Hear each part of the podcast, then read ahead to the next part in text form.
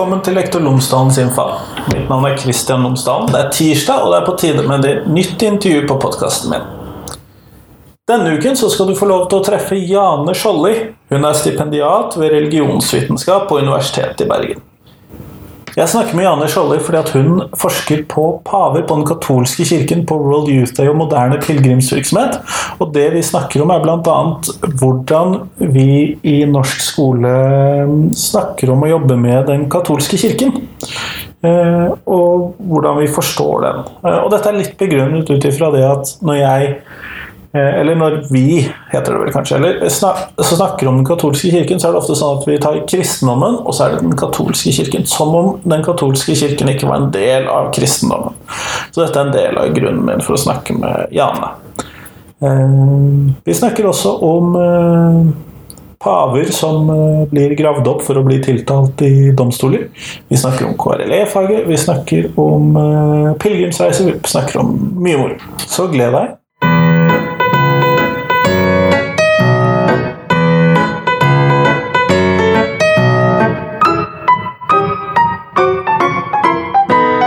Tusen takk Janne Scholli, for at jeg har fått lov til å komme og besøke deg her på universitetet. Tusen takk for at du har lyst til å komme på besøk. Eh, det er altfor spennende til å la være, så det må man gjøre. Men for de som ikke kjenner deg, kunne du ha fortalt tre ting om deg selv? Tre ting om meg sjøl, skal vi se. Eh, nå er det veldig nærliggende å først ta opp at jeg er religionsforsker. Eh, og jeg spesialiserer meg i katolisisme og Eh, pentekostalisme, som for de som ikke kjenner til det begrepet, så kan vi si at det er karismatisk kristendom, pinsebevegelse og, og sånn. Um, og jeg konsentrerer meg om uh, senmoderne tid, særlig 20. og 21. århundre. Um, ja. Forsker på det vi ser nå om dagen? Altså. Nettopp. Ja. Uh, og doktorgradsavhandlingen min, som uh, etter planen snart skal være ferdig um, handler om uh, World Youth Day, som er et katolsk ungdomsstevne som holdes hvert andre til tredje år. Um, som tiltrekker seg mennesker fra hele verden, opp i flere millioner. Og eh, rapporteres det, i hvert fall. og eh, som alltid har besøk av paven. da.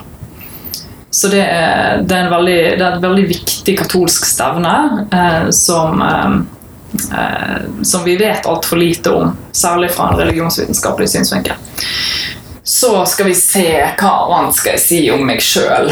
Um, uh, ja Jeg tror liksom det, det, blir veldig nærliggende å bare snakke om religionsvitenskap akkurat nå. Men, eh, men, du vil kanskje ha noe litt bredere enn det? jeg vet ikke. Det er helt opp til deg. Vi kan ja. ta det fra det helt nære til det helt eh, brede. Ja, ok. Ja, ja. Um, jeg kan si at uh, um, At i motsetning til en del andre religionsvitere i, i Norden og og kanskje i Nord-Europa, så har jeg også en, en, religiøs identitet som er litt uvanlig, kanskje, statistisk sett. Yes, ja, ehm, for, eh, for, jeg er medlem av Bifrost, Åsatru-fellesskapet. Så ja, jeg er en av de som dyrker Odin og Thor og Frøya Frøya og hele den gjengen der. Det høres ut som vi kanskje må ha en oppfølgingspodkast ja, på det. det. det er helt greit. Men, eh, men det, det, er ikke, det er ikke en misjonerende eh, Det er ikke en, hva skal jeg si, en misjonerende organisasjon, så vi har ikke noen interesse av på en måte å rekruttere. Um, det som er interessant med det, som jeg kan si som en sånn tredje ting, det er det at um, det, er stadig, det er stadig interessant uh, når man er religionsviter og skal holde et utenfra-perspektiv, og man skal være så objektiv som mulig. Um, man skal presentere uh, respons fra intervjuer, eh, intervjuer fra feltarbeid osv. Videre. så skal på den ene siden så skal man være så objektiv som mulig, på den andre siden så er veien til den objektiviteten som er mulig å oppnå, det er gjennom å være åpen og ærlig om seg sjøl overfor eh, mennesker man arbeider med, som man rekrutterer til prosjekt, intervjuer osv. Um, og det, det skaper interessante eh, situasjoner. Eh, Stor, stort sett hyggelige og, og lærerike situasjoner, men, eh, men også, også noen litt interessante. La meg etter at det er en del auksjon på sånn viking og kirkebrenning og sånn. Ingen kirkebrenning. Nei da. Det er det stadig satanistene som får skylden for. Men Men Og ja Mye ufortjent. Satanistene eh, som er sånn filosofisk orienterte, de vil jo gjerne ta avstand fra det. Men um, men ja, det er mye assosiasjon til, til viking eh, reenactment og sånne ting. Så det, og det, det er jeg jo også interessert i, så det er jo, altså for meg så passer jo den stereotypen. Så hvordan kan jeg på en måte si, uh, si imot det? Men når det er sagt, så er ikke det, det er overhodet ingen, ingen nødvendig sammenheng mellom de to. Nei, det har jeg jo skjønt, egentlig. Eh, Men du sa at du skriver da om eh, denne World Youth Day, som da er en del av den katolske kirken. Ja. Eh, Men hvilke, hvordan er det du har arbeidet med dette? Først så skrev jeg masteroppgave om om dyrkelsen av pave Johannes Paul 2. i Roma. Da la jeg særlig vekt på det som vi kaller materielle aspekter. Altså eh, hva gjorde folk når de kom til graven hans, f.eks. Eh, og dette var før han var helgenkåret. Eh, jeg leverte masteroppgaven i 2012. Og så han var, han var saligkåret, som er liksom sånn B-helgen-status, men han var ikke helt oppe på toppnivå ennå. Men han var kjempepopulær eh, som, eh, eh, som hva skal jeg si, turistattraksjon eller pilegrimsattraksjon, alt etter perspektivet ditt. Og Eh, og eh, i Roma eh, Han lå jo gravlagt først i, eh, i pavekrypten, men så flyttet de han opp til hovedetasjen. Og det som har vært gjennomgående i dyrkelsen av han, det er at i tillegg til eh, til bønn og det at folk kommer på besøk til graven hans eh, fra hele verden, så er det også sånne ting som at de legger ned f.eks. brev, tegninger fra barn, eh, passfoto av seg sjøl eller sine kjære som de ønsker at Johannes Paul den andre skal gjøre noe for. Eh, be for de, eller helbrede de, eller, eh, eller beskytte de. Mm. og det går alt fra liksom sånne veldig spesifikke personlige ting og helt opp til liksom, beskytt landet vårt, gjerne, fra, gjerne folk fra Polen, sant, siden han var polsk. Um, beskytt landet vårt, uh, skap fred i verden. Altså, det, det, er liksom, det er veldig bredt. Han har fått et stort ansvarsområde. Veldig stort. og det, det må han jo på en måte eh, ta skylden for sjøl. Men eh, eh, ja, så det, det, var, det var det første store prosjektet mitt med katolisisme. Um, og, eh, og måten som jeg ble interessert i det på, det var rett og slett at jeg var eh, på ferie i Roma og endte opp i pavekrypten, selv om jeg hadde tenkt meg inn i hovedetasjen i basilikaen.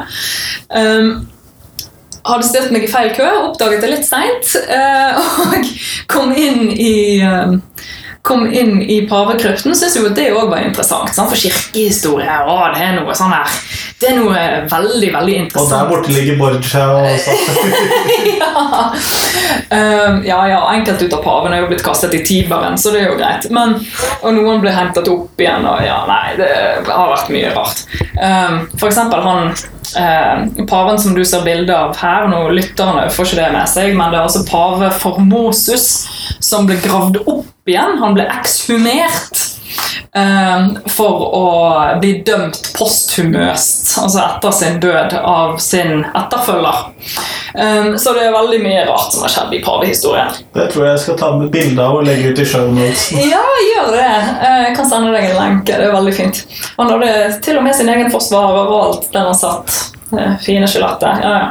Um, og um, eh, Men eh, greien var den at altså, av alle disse her rare, liksom, interessante, intrikate fortellingene som farehistorien eh, er utgjort av og består av, um, så var jo jeg interessert i å se hvordan fremstiller de disse her forskjellige pavene på disse her små plakatene som de har til informasjon om hver enkelt grav man går til. sant?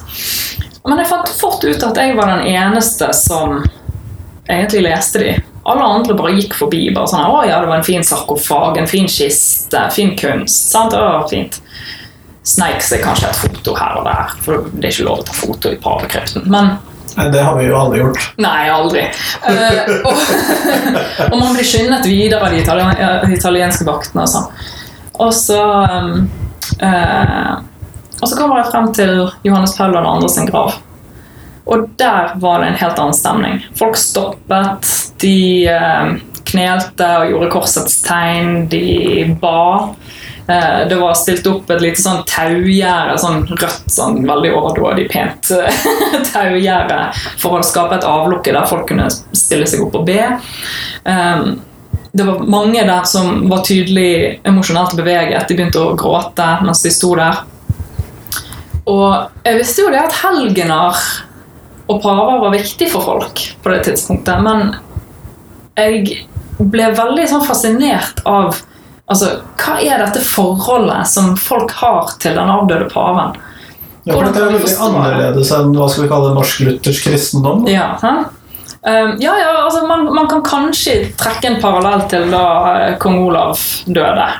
Uh, og folk kom med lys uh, foran slottet, men Det varte jo ikke i flere år. Nei, nettopp. sant? Og, og, og det finnes, så vidt jeg vet, i hvert fall, så er det ingen som ber kong Olav eh, si, fred være med han, eh, om, eh, om hjelp i, i, daglige, i daglige situasjoner. sant?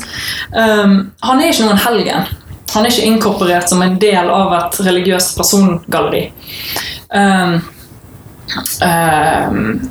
men det er i aller høyeste grad Johannes Paul 2.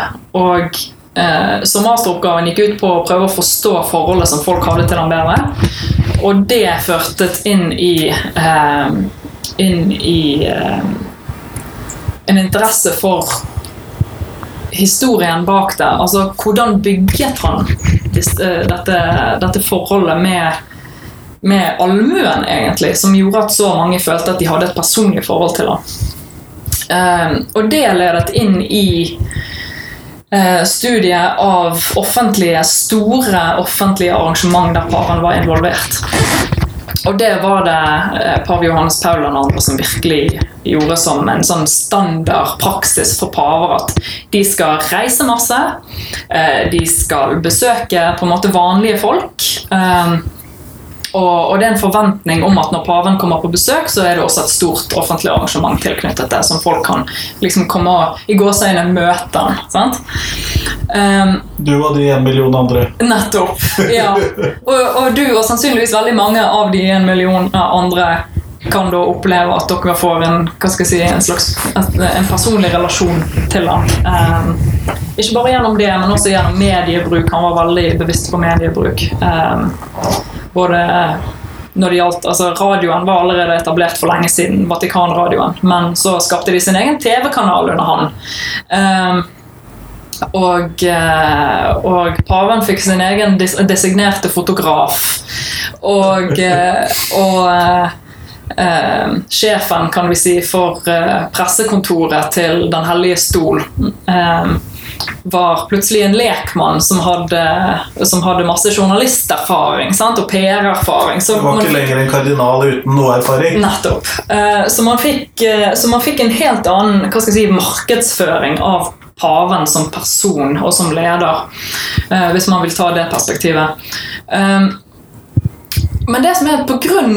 at Johannes Paul gjorde dette så utrolig mye over sine 26,5 år som pave, eh, at ja, På den ene siden blir det standard, på den andre siden så sitter du der som forsker og du sitter med en haug med forskningsmateriale. Og hvordan i alle dager Det er noen timer med data. Ja, noen. Altså noen år, kanskje. Eh, noen tiår. Eh, kanskje flere livstider. Men altså Fordi greiene at du må begrense materialet ditt. Så spørsmålet mitt var da hvordan kan jeg begrense materialet mitt på en fornuftig måte? På en måte som er eh, vitenskapsteoretisk gyldig også. Så jeg fant ut at ok um, Jeg kan se om jeg finner noe som har en historisk utvikling innenfor hans, eh, innenfor hans pontifikat, altså hans regjeringstid. Og det var, eh, det var World Youth Day som meldte seg som det viktigste. Eh, For det er rett og slett en serie med ungdomsstevner som ble etablert under han. Det sies at det var på hans initiativ. Jeg tror ikke det var hans initiativ alene, men jeg tror at hans inspirasjon for det var veldig viktig. Eh, Og hans pushing for det. Han var veldig bevisst på å skape kontakt med ungdom. Og det var noe han hadde med seg fra sin tid som prest i Polen, liksom. Um, og, og hele veien oppover. Um, så hele tiden veldig bevisst på ungdom. Eh, også veldig bevisst på evangelisering. Sant? Det, å, det å spre budskapet, men ikke, på, ikke nødvendigvis på en sånn måte som vi kanskje knytter til protestantisk evangelisering, som er å gå ut på gaten og snakke med fremmede folk, eller misjon på den måten. Men å sørge for at folk er aktive i sin religiøsitet. Nettopp, ja. Og dermed liksom bli, gjøre den religionen attraktiv for andre. sant? Å være relevant for folk er vel kanskje også Nettopp. Det er også selvfølgelig veldig viktig. Um, men World Youth Day ble etablert uh, i løpet av en serie uh, sånne arrangement fra 1984 til 1986. Først i 1986 fikk det sitt offisielle navn, og deretter ble det holdt annethvert år frem til uh, det plutselig ble holdt, holdt litt sånn hvert andre, hvert tredje. Paven begynte å bli syk og skrøpelig. Men han kom nå til, til eh, Toronto full i Parkinsons syndrom og alt mulig i 2002 allikevel. Um, men da var det allerede etablert som en tradisjon. Som det var aller høyest forventning om at neste, altså de påfølgende paver skulle opprettholde. Og det gjorde pave Benedikt, og det gjør pave Frans. Um, så dermed så kunne jeg eh, undersøke både eh, den historiske utviklingen, fokusere på eh, visse aspekter ved den, og så også gjøre feltarbeid nå på World Youth Day i, i eh, 2016, som var i Krakow. Der jeg allerede hadde vært en stund. så jeg kjente byen litt. Um, og der dro jeg da med en amerikansk reisegruppe som jeg fikk kontakt med mens jeg var i USA. Um, og fulgte de på alt de gjorde, og, og, um, og fikk uh, Jeg opplever at jeg fikk ganske, ganske godt innblikk i, uh, i, deres forhold til det å være på World Youth Day, hva det betydde for dem. Um, og hva, hva, i alle dager de mener med det når de sier at dette er en pilegrimsreise. Ja, for det er en litt utradisjonell pilegrimsreise i sånn måte? Veldig, ja. Det er det det er. Ehm, men det følger altså det, Hvis man ser i et større sånn, perspektiv på kristendom i dag, så følger det også en viss annen sånn trend. Det er noe med at altså, Hvis du ser på karismatisk kristendom, så ser du store offentlige arrangement som kalles for korstog, altså crusades. Det er jo ikke korstog, tradisjonelt sett. Det håper jeg ikke. Nei, sant? Men, men de kaller det gjerne for healing crusades, eller sånne ting som det. Uh, og da er det helbredelsespraksis som står i sentrum. sant? Uh, og det at man skal få del i Den hellige ånd, som selvfølgelig er veldig viktig for karismatiske kristne. Um, men Den katolske kirke har da rett og slett etablert dette ungdomsstevnet som en pilegrimsferd. Og det som er at noen forskere i dag sier at ja, men det altså, kan vi kalle det en pilegrimsferd osv. Stemmer det overens med den, altså forskningskategorien, den analytiske kategorien, hva, hvordan vi forstår pilegrimsferd som et universelt fenomen. Uh, og jeg mener at det blir litt uh, På den ene siden så kan man si at nja, kanskje ikke, men det betyr ikke at det er noe, si, noe feil i gåseøynene med det som skjer. Vi må følge den, den, religiøse utviklingen. Vi må la forskning på det informere vår, uh, vår, våre analytiske kategorier og konsepter og så heller nyansere det, de universelle fenomenene, kan man si, og, og hvordan vi skriver om de. Jeg syns det hørtes litt rart ut å skulle si at dette ikke er en pilegrimsreise, også mm. fordi at uh, pilegrims, hvis vi skal kalle det uh, denne valfartingen til Glastonbury mm. eller til Mekka eller mm. andre sånne destinasjonsorienterte mm. pilegrimsreiser, ikke turorienterte pilegrimsreiser, så ja. syns jeg at dette virker sånn rimelig innafor. Ja, ja da, det, det som er selvfølgelig det som skiller uh, World Youth Day ut her, det, det er litt flere ting. Det første er jo det at uh, det er bare tilgjengelig innenfor en viss tidsperiode på et spesielt sted. Eh, sånn at det, altså, hver gang så holdes det på et nytt sted i verden. I 2019 så skal det holdes i Panama, liksom. Um, Heldiggriser. ja. um, men det ble etablert, um, som jeg også skriver i, avhandlingen min, så ble det etablert eh, desidert i en pil, pilegrimskontekst. Altså, det var gjennomsyret av pilegrims... Eh, lag med pilegrimskontekst, kan man si. Eh, første destinasjon var Roma. Som er ja, den o store katolske pilegrimsdestinasjonen. Sammen med selvfølgelig Lord og andre steder, men historisk sett den mest betydningsfulle Ja, ja. på mange måter. Sant? Um, uh, ja, selvfølgelig paven har sin residens der. Um, uh, man har uh, etablerte pilegrimsruter i Roma som folk har gått i århundrer. Eh, Man må jo få ting i rekkefølge. ja, og ikke minst så, så skjedde det også innenfor to tidsmessige viktige sånne pilegrims... Uh, hva skal jeg si uh, tider. Uh, for det første så var det først holdt i forbindelse med palmehelgen.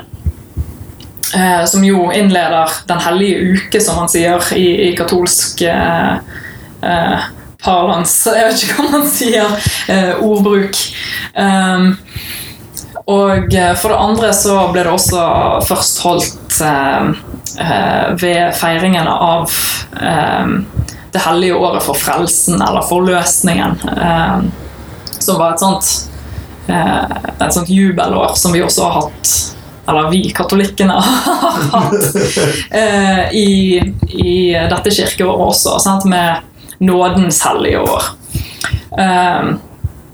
Så man kan si det at når dette ungdomsstevnet først ble holdt, så var det tett Det ble puttet i en kontekst. Nettopp. Det ble, og, og det fortsatte man de, de neste gangene det ble holdt, med at man la det til spesifikke pilegrimsmål som allerede var etablert som nasjonale eller internasjonale pilegrimsmål. Um, Det gjaldt eh, Buenos Aires, der eh, Vår Frue av Lujan var veldig viktig. Eh, det gjaldt La meg se, Santiago de Compostela i 89, eh, selvfølgelig. Det gjaldt Częstochowa i Polen, som i dag er Polens desidert viktigste pilegrimsmål. Eh, har en lang historie med mytologisk historie tilknyttet krigsmirakler og helbredelsesmirakler. Eh, eh, og så skjer det noe interessant. I 1993 så holdes det i en helt annen setting. Um, da holdes det nemlig i Denver i USA, og det var tre forskjellige byer i USA som hadde eh, Som på en måte måtte konkurrere om Litt sånn, litt sånn med OL. sant? Ja, Eh, man sender en olymp den olympiske komiteen eller noen utsendinger for å se ja, ja, hva for en by skal vi ha. Um, og det samme gjorde, gjorde Vatikanet. De sendte en delegasjon fra det pontifikale konsilet for lekfolk, som er det, som er det organet som har ansvar for eh, toppansvaret kan du si, for å organisere World Youth Day. Eh, de sendte en delegasjon på besøk til disse tre byene. Den var blant de. Eh, og den Denver hadde da pekt seg ut, ifølge han som var ansvarlig for den lokale organiseringen. Pekte seg ut ved å gjøre det til en pilegrimsferd uten å være et pilegrimsmål. Som i seg selv er en litt krevende øvelse. Veldig. Og det, dette her eh, hadde da imponert eh, komiteen, sånn at de fant ut at jo, Denver er, er, den, er det riktige stedet. Og deretter så ble på en måte eh, Det øker jo antallet eh, potensielle destinasjoner ganske grovt. da. Nettopp. Det er det det gjør. Um, så uh, i etterkant så ble det holdt i Manila. Um, uh, Manila er jo selvfølgelig viktig for, altså for filippinoer. uh, men For den globale katolisismens del så er det kanskje ikke noe annet. Ja. Og så senere i Paris. Paris var et viktig pilegrimsmål. Eh, er det i mindre grad i dag. Eh, på grunn av at ja, det er så Hva skal jeg si eh, Det er andre pilegrimsreiser, katolske pilegrimsreiser som på en måte overskygger Paris veldig. Man drar til Paris som turist, ikke som pilegrim. Ja, ja, gjerne. sant? Og, og selvfølgelig, der har man også eh, spørsmål om altså, hvor går grensene mellom turisme og pilegrimsferd. Og det er et ganske komplekst spørsmål som har fått mye oppmerksomhet fra religionsvitere. Eh, en av de tingene jeg finner i, i min forskning, det er det at eh, respondentene eh, er veldig De er veldig sånn Hva skal jeg si Glad og lykkelig for å gjøre eh, ting som man gjør som turist, som å besøke landemerker og sånne ting som det. Eh, historisk signifikante steder. Eh, men de ser på å bare gjøre det som et bare. Sant? Hvis du er der bare i gåseøynene for å lære om historien eller oppleve noe som har noe med Da er du bare Ja. turist. Da er, du, da er du bare Du er bare på ferie. Mens hvis du drar som pilegrim, så gjør du det for å interagere eh, med de hellige personene som er gravlagt eh, på disse stedene, eller eh, dette spesielle Jomfru Maria-ikonet som er tilknyttet de og de miraklene. Eh, du gjør det i, med et engasjement som inngår i en religiøs forestillingsverden. Så det er en del av intensjonen som da skiller det, da. Og litt av gjøremålene. som- Ja, eh, intensjon kan man diskutere litt. Grann. Jeg fant at, de, at intensjonene var veldig forskjellige blant mine respondenter. Og de, de identifiserte seg alle som pilegrimer eh, på World Youth Day. Um, og de snakket om seg sjøl som pilegrimer, om andre som pilegrimer.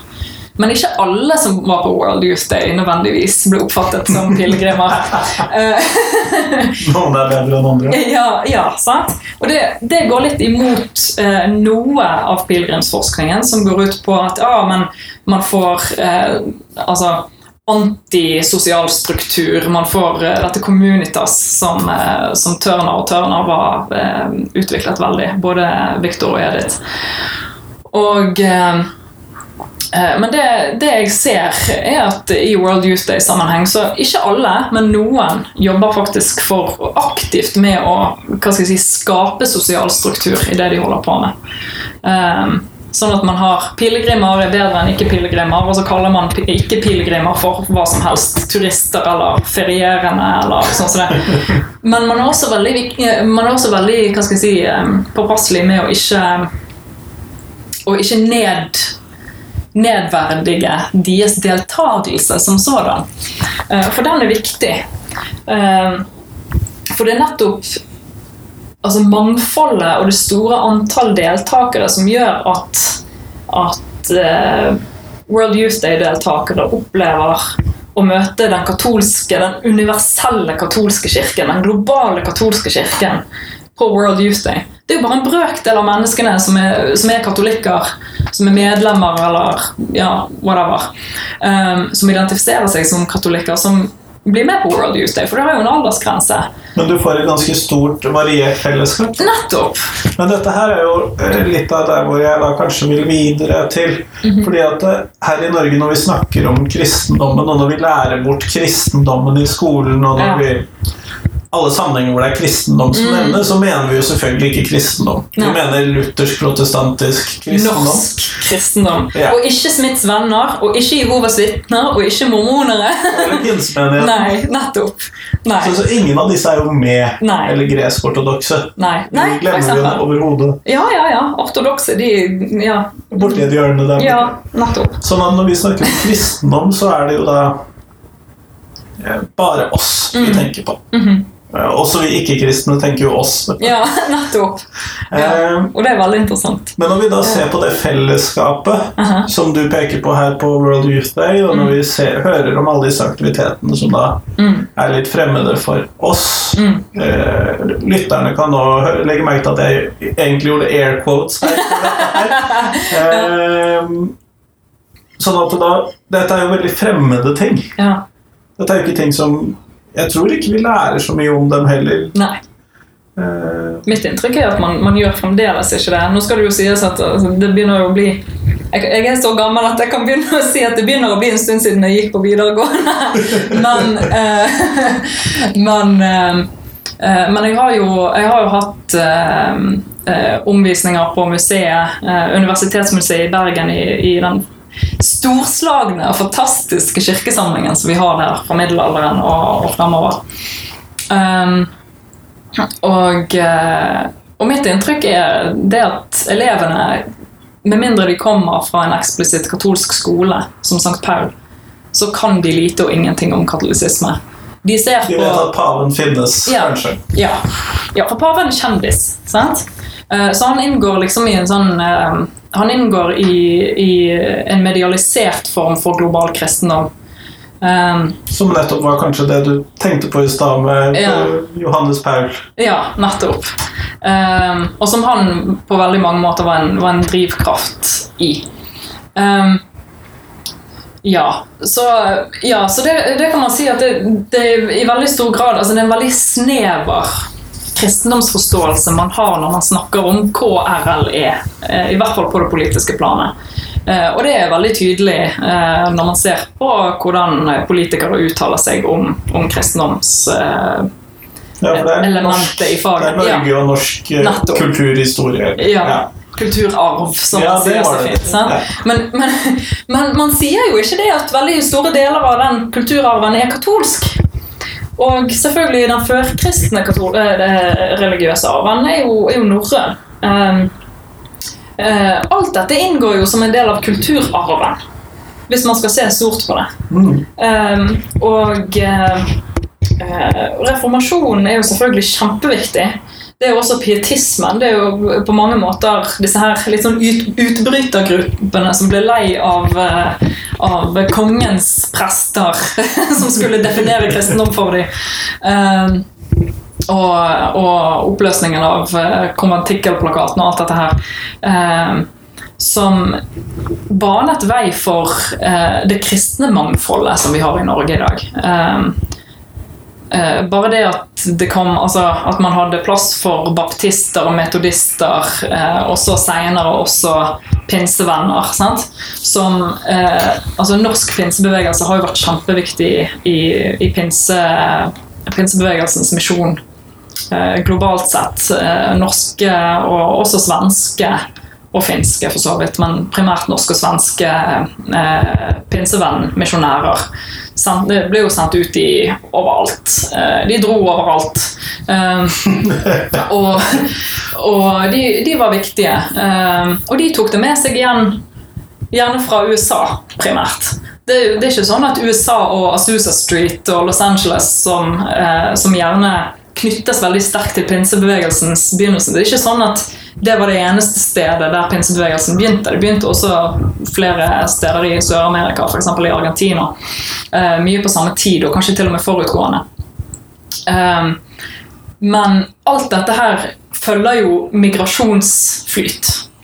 Eh, og også globaliseringen og tilgjengeliggjøringen av nye eh, transportteknologier. Sant? Alt fra dampskip til altså etter hvert eh, kommunikasjonsteologi eh, Nei, teologier, ja. Teknologier som, som radio osv. Um, man har jo for eksempel, eh, man har jo eksempler på eh, I forbindelse med Sverige så var det eh, eh, så var det en, eh, en gruppe med, med pinsevenner som etablerte en sånn, det man kaller for en piratradio fra, fra eh, ja, eh, fra utlandet, og noen av de var på sjøen, og sånn, så det fordi de fikk ikke lov å etablere sin egen radiostasjon på svensk land.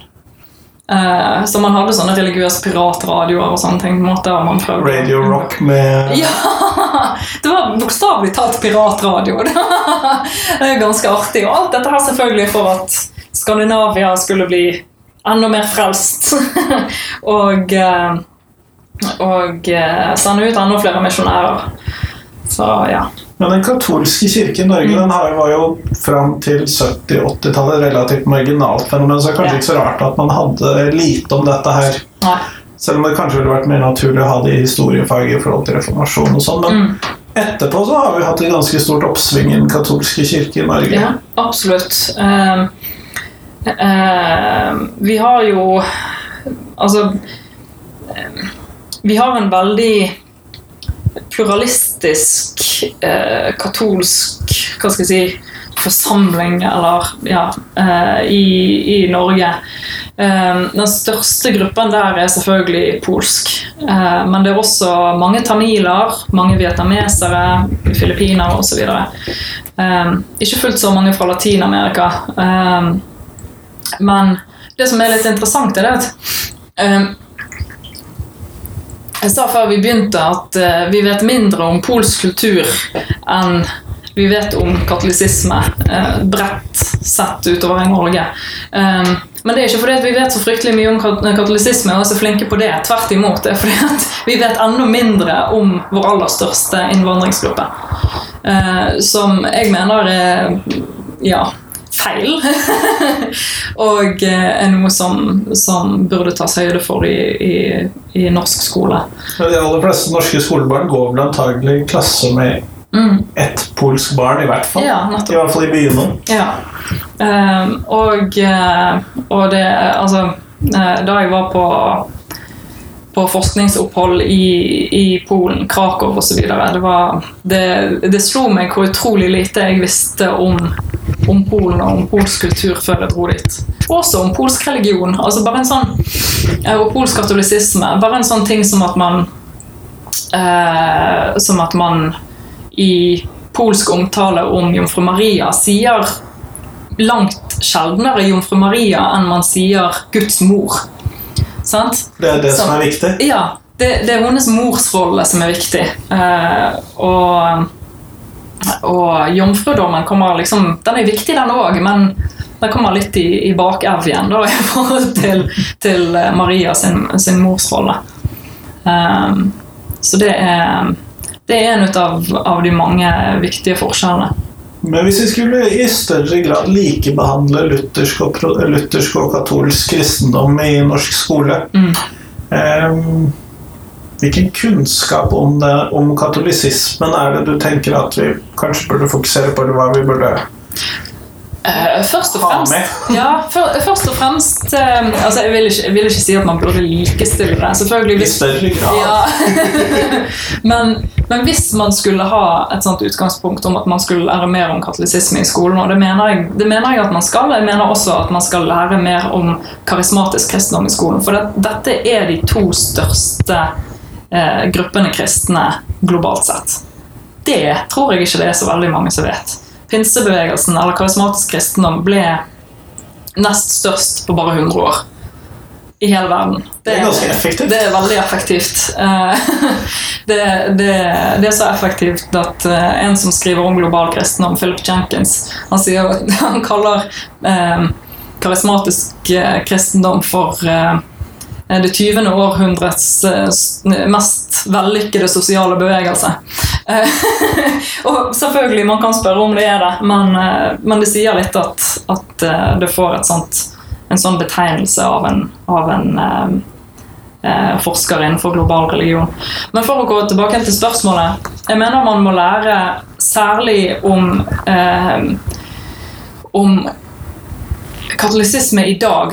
Altså, dagens katolisisme er så forskjellig, så utrolig forskjellig fra for 500 år siden. Um, Ja, for det er den vi ofte lærer om, føler jeg. Nettopp. Ja, ja og det, det har du helt rett i. Senest for et par dager siden så fikk jeg sitert Johan Tetzel sitt, uh, sin tilskrevne, som vi ikke helt vet om er et faktisk sitat, men, men uh, sin tilskrevne sitat om at uh, når mynten i kisten klinger, en sjel fra skjærsilden springer og sånne ting som det. Ja, for det er jo veldig aktuelt for dagens katolisisme. Fullstendig uaktuelt.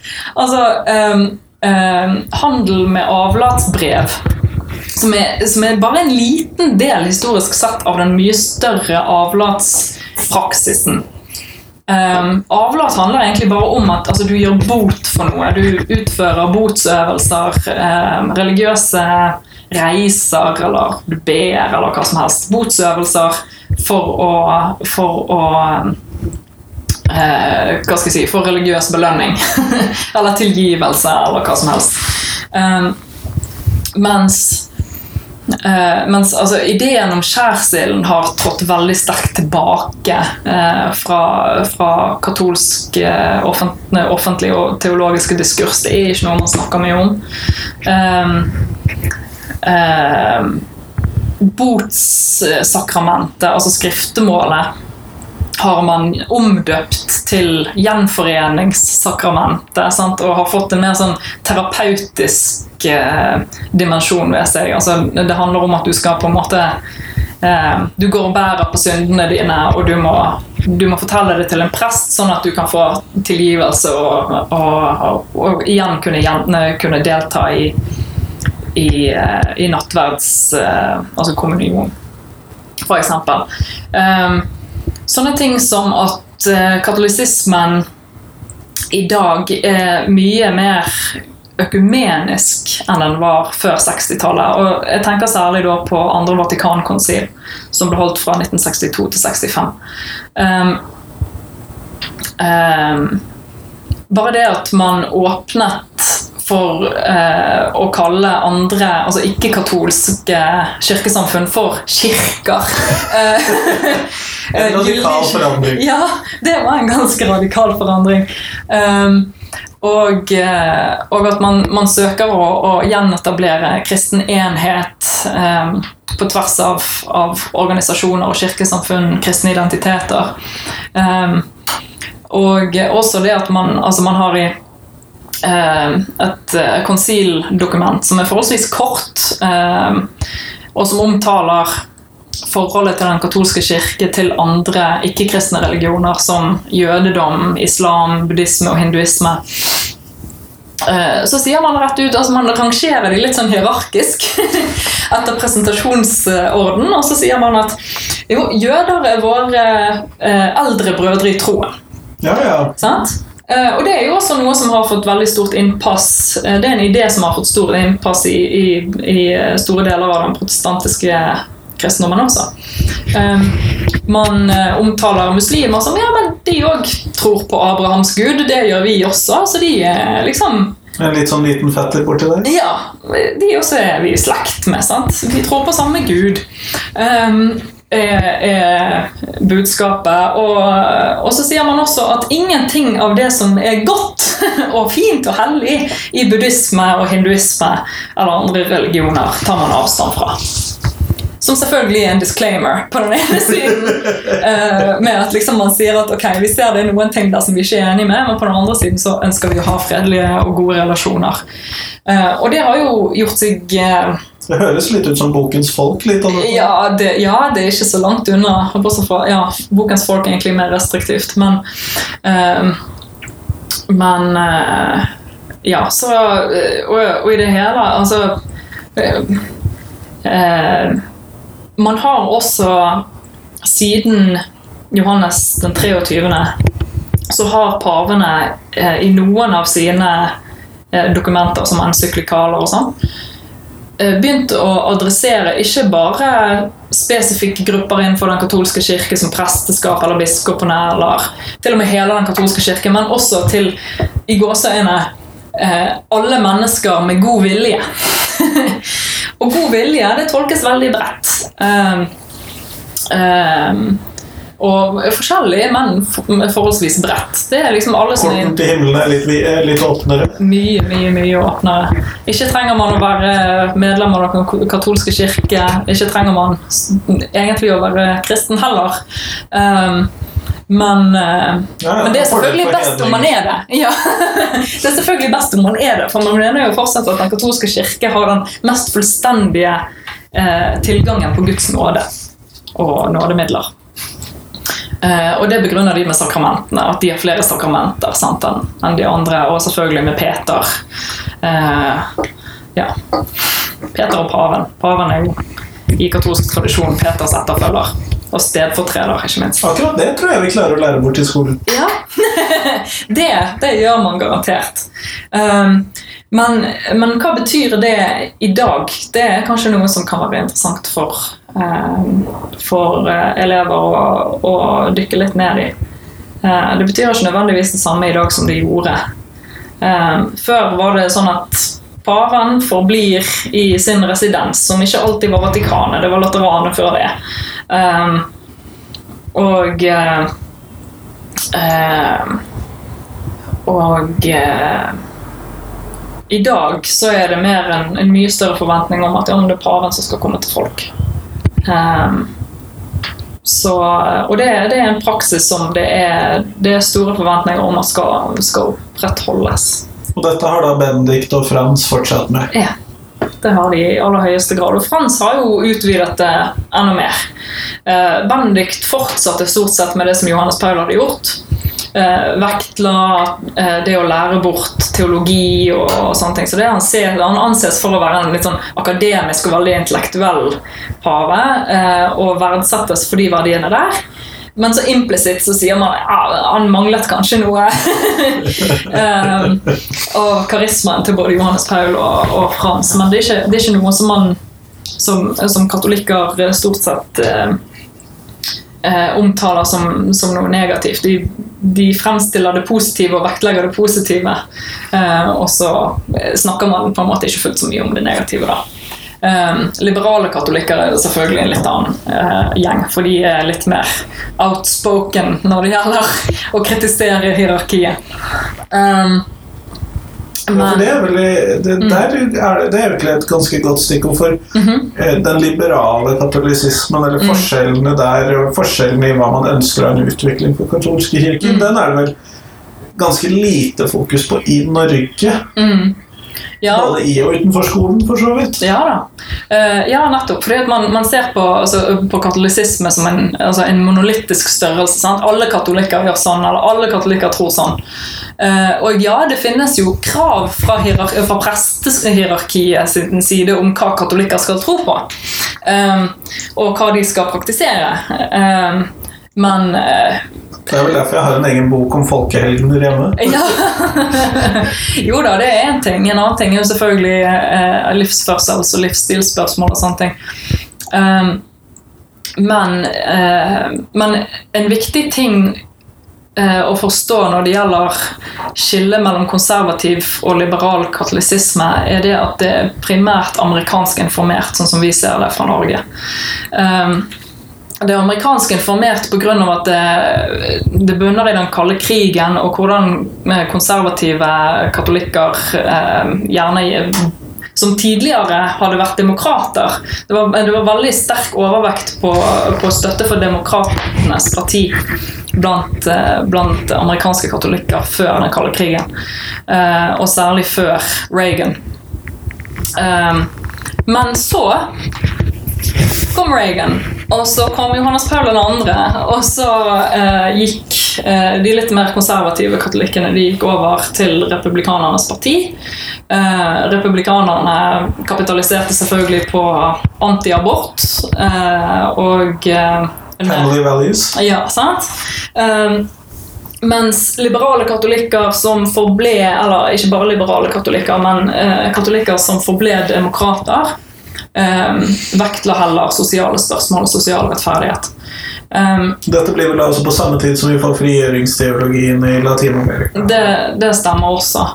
Um, men hvis man flytter blikket fra Europa og Nord-Amerika, eh, minus Mexico, og til Mexico og eh, Latin-Amerika og Afrika og Asia eh, som, altså Afrika og Asia er jo der katolisismen vokser sterkest.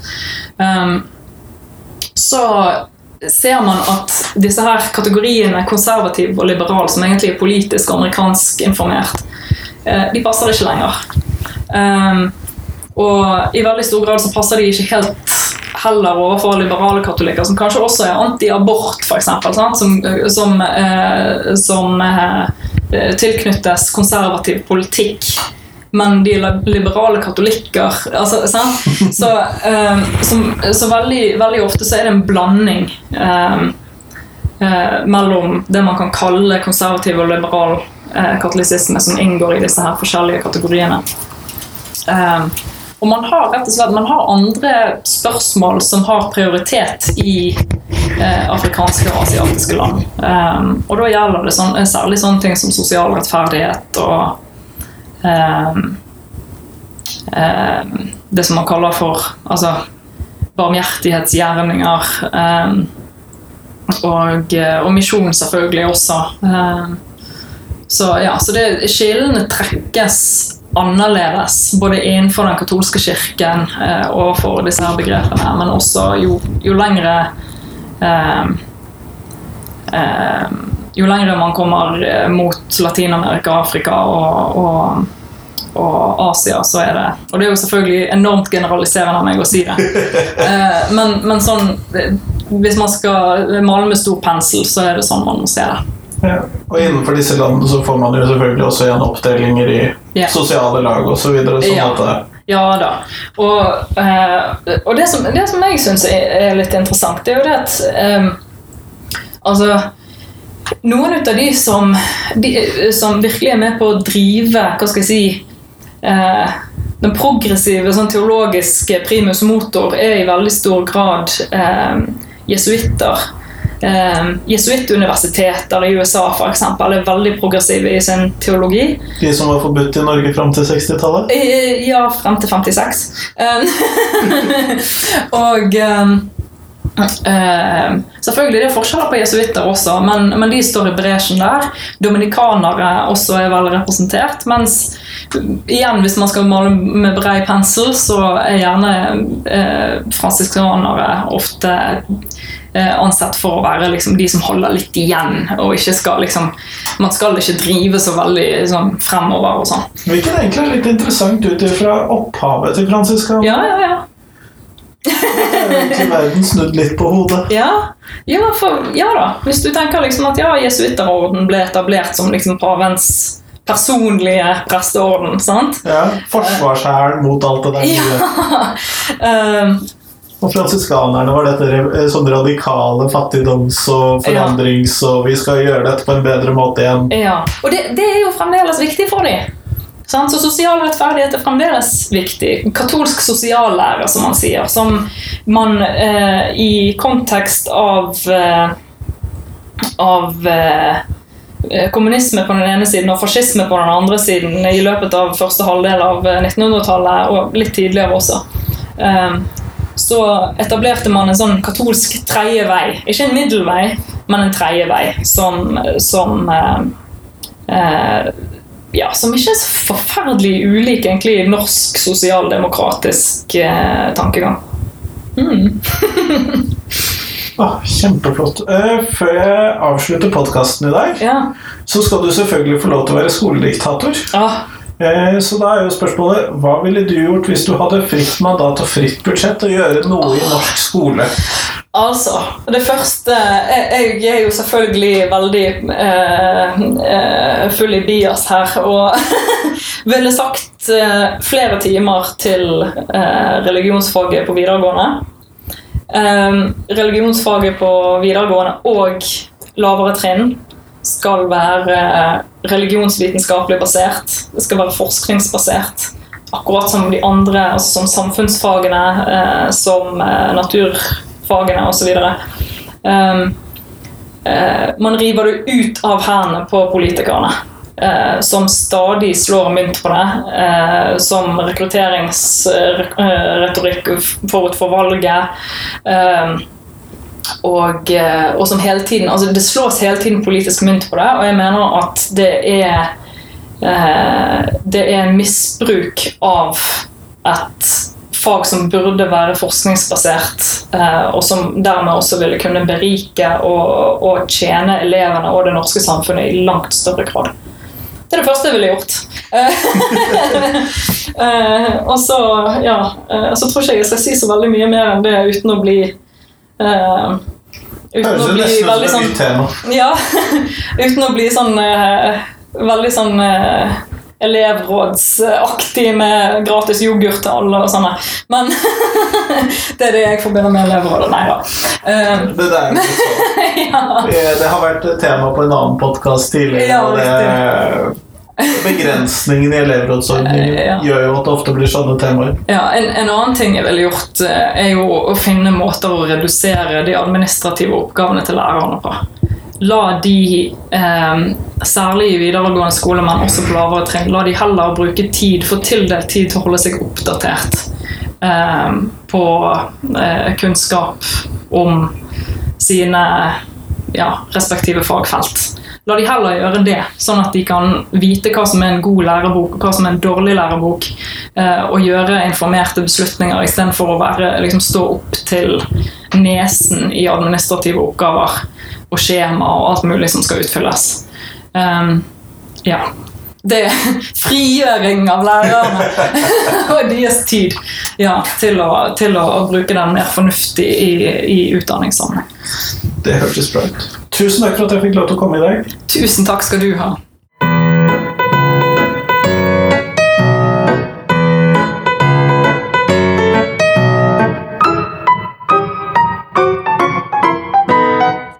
Tusen takk til Janne, og tusen takk til deg som hørte på. Jeg håper du satte pris på podkasten min. Om du gjorde det, så blir jeg glad hvis du kan uh, gi en stjernemarkering i iTunes. Uh, skrive et review i iTunes. Like på Facebook. Følge meg på um, Soundcloud, eller på noen annen måte spre podkasten. Du kan gjerne gjøre det ved å dele den med en venn eller en bekjent som du tror vil like en podkast som denne. Om en uke så kommer intervjuet mitt med Baste Bruarøy, som er rektor eller daglig leder på Hyssingen produksjonsskole i Hordaland. Det tror jeg blir veldig interessant om hverdagen på en eh, skole som er langt unna normalen. I hvert fall i forhold til hva vi vanligvis ser på som en normal videregående skole i Norge. Og det kan kanskje være løsningen på frafallsproblemet i skolen. Men i hvert fall, ha en god dag videre, og gled deg til neste uke. Hei!